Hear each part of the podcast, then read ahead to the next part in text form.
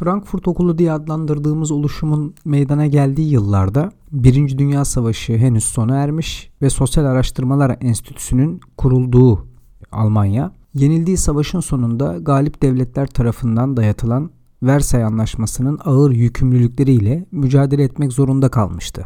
Almanya gibi tarihin her döneminde Avrupa tarihine damga vurmuş bir devlet, ezeli rakibi Fransa karşısında boyun eğmek zorunda kalmıştı.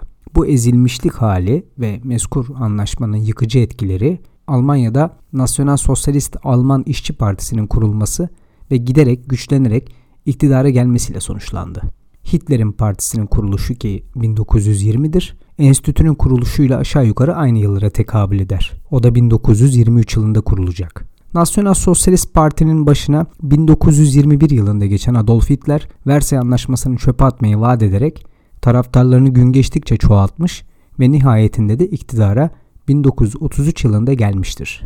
Almanya'da enstitünün kurucuları ve önde gelen isimleri birçok farklı alanlarda çalışmalar yapan, disiplinler arası bir çalışma yöntemi benimseyen kişilerdi. Fakat içinde bulundukları siyasi ve sosyal koşullar onların zihinsel çabalarını etkilemiştir. Ayrıca bu üyelerin hemen tümünün Yahudi olması ve Hitler'in bu insanlara bakışı Almanya'daki durumların ve konumlarını çokça etkilemiştir. Bu entelektüeller topluluğu için kullanılan okul ifadesi üyelerin tümünün aynı düşünceleri paylaştıkları anlamına da gelmemektedir. Bu kullanım daha çok eleştirel bir toplum teorisi meydana getirme konusundaki fikri benzerlikten kaynaklanmaktadır. Zira eleştirel teori diye de adlandırılan Frankfurt Okulu, kapitalizmin ve artık bir dogmaya dönüştüğünü düşündükleri Marksizmin eleştirisini gerçekleştirmeye çalışmışlardır. Eleştirel teori olarak da bilinen okul, üyeleri yetiştirdiği öğrenciler, yaptıkları araştırmalar, toplumsal olana eleştirel bakışları ve açılımları açısından bir entelektüeller topluluğu olarak adlandırılabilir. Üyeleri arasında sol entelektüel felsefeciler, edebiyat eleştirmenleri, sosyologlar, psikologlar, ekonomistler ve siyaset bilimciler vardır. Theodor Adorno, Marx Horkheimer, Herbert Marcus, Erich Fromm, Walter Benjamin, Leo Lowenthal, Friedrich Pollack, Otto Kirchheimer ve Franz Leopold Neumann bunlardan bazıları e, sayılabilir. Biz burada özellikle Adorno'nun opus magnumu sayılan Minima Moralia üzerine konuşacağız. Yazarın başyapıtı sayılan bu eser kültürü, ahlaki dayatmacılığı, çağın getirdiklerini ve götürdüklerini, aydın despotizmini ve daha birçok meseleyi kısa değerlendirmelerle ele alır. Minima Moralia Adorno'nun 1951 yılında yayınladığı bir kitap. Burada bütün yaşamı bütün veçeleriyle ele almaya çalışır, bütün çıplaklığıyla ortaya sermeye çalışır. Kitabın birçok penceresi var. Okunması ve hazmedilmesi için teşriki mesai harcanmalıdır. Başucu kitabı sayılır. Adorno kitaba haliyle net bir Hegel eleştirisiyle başlar. Tarihsel hareketliliğin bugünkü evresinde karşı koyamadığımız nesnelliğinden, e, öznenin çözülmesine kadar e, bizi eskiye hasret duymamıza yol açan ve bizi eskiye mahkum kılan Hegel eleştirisi. Bu özne hala kendisi için olmasına rağmen artık kendinde değildir Adorno'ya göre ve çağın gereği olarak da zamanını ve zeminini kaybetmiştir. Adorno'nun görüşleri aslında birer hesaplaşmadır. Bu hesaplaşmada çoğu kez herkes ve her şey kırılıp dökülmüştür.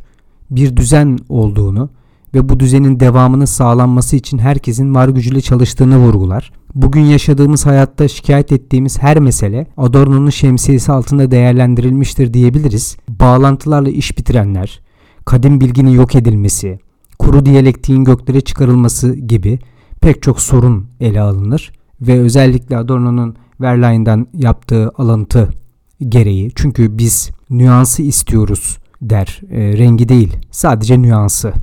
Eser ziyadesiyle romantiktir. Romantik olduğu için de aslında her yere e, basmak isterken atlayarak gider. Bu suç ve cezanın e, alıntısını hatırlatır.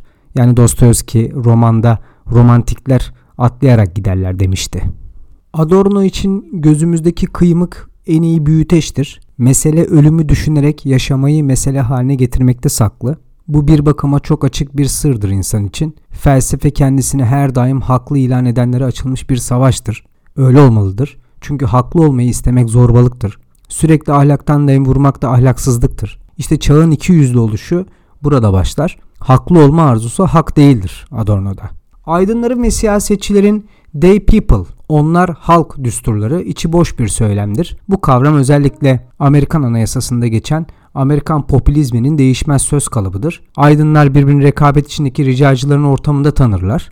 Bu onların en tiksindirici yanlarını göstermelerine yol açar. Hegel bütün için anlama yetisini kurban etmiştir. Yani Verstand'ı ama asla bütün tam değildir. İnsan bütüne ulaşmak isterken kendisini feda eden bir kurbana dönüşür. Bütün dünya yansın ama o bütün oluşturan tarih mitinin kuşatıcı geistına bir şey olmasın. Adorno'nun eleştiriye tabi tuttuğu şeyler bir bakıma modernist denilen Avrupa'nın kendi varoluşunu yitirmesi, bütün sosyal bilim alanlarının özellikle sosyoloji ve psikolojinin tartışmaya açılmasını sağlanmasıdır. Bütün bir kitabın merkezi noktasını aydınlanma eleştirisi tutar diyebiliriz. Bir yerde aydın despotizmini eleştirir, diğer yerde insanların özgürlükten zorbaya dönüşünü vurgular. Artık insanımız kendine ev, kendisine yabancı olmakla birlikte kendi evine de yabancıdır. Artık özel mülkiyet denilen şeyin tamamen tüketimini e, nesnesi haline e, getirişinin kurbanı olduğunu, nesnelerin bizlerde duyarsızlık ve körlük yarattığını ifade eder.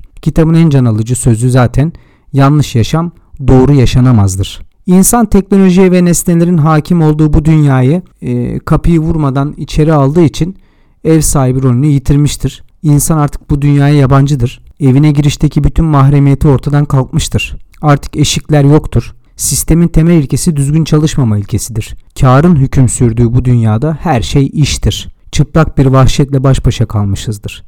Ne yapmalıyız? Mesele iktidar ve modernlik dediğim gibi. Şunu diyor Adorno.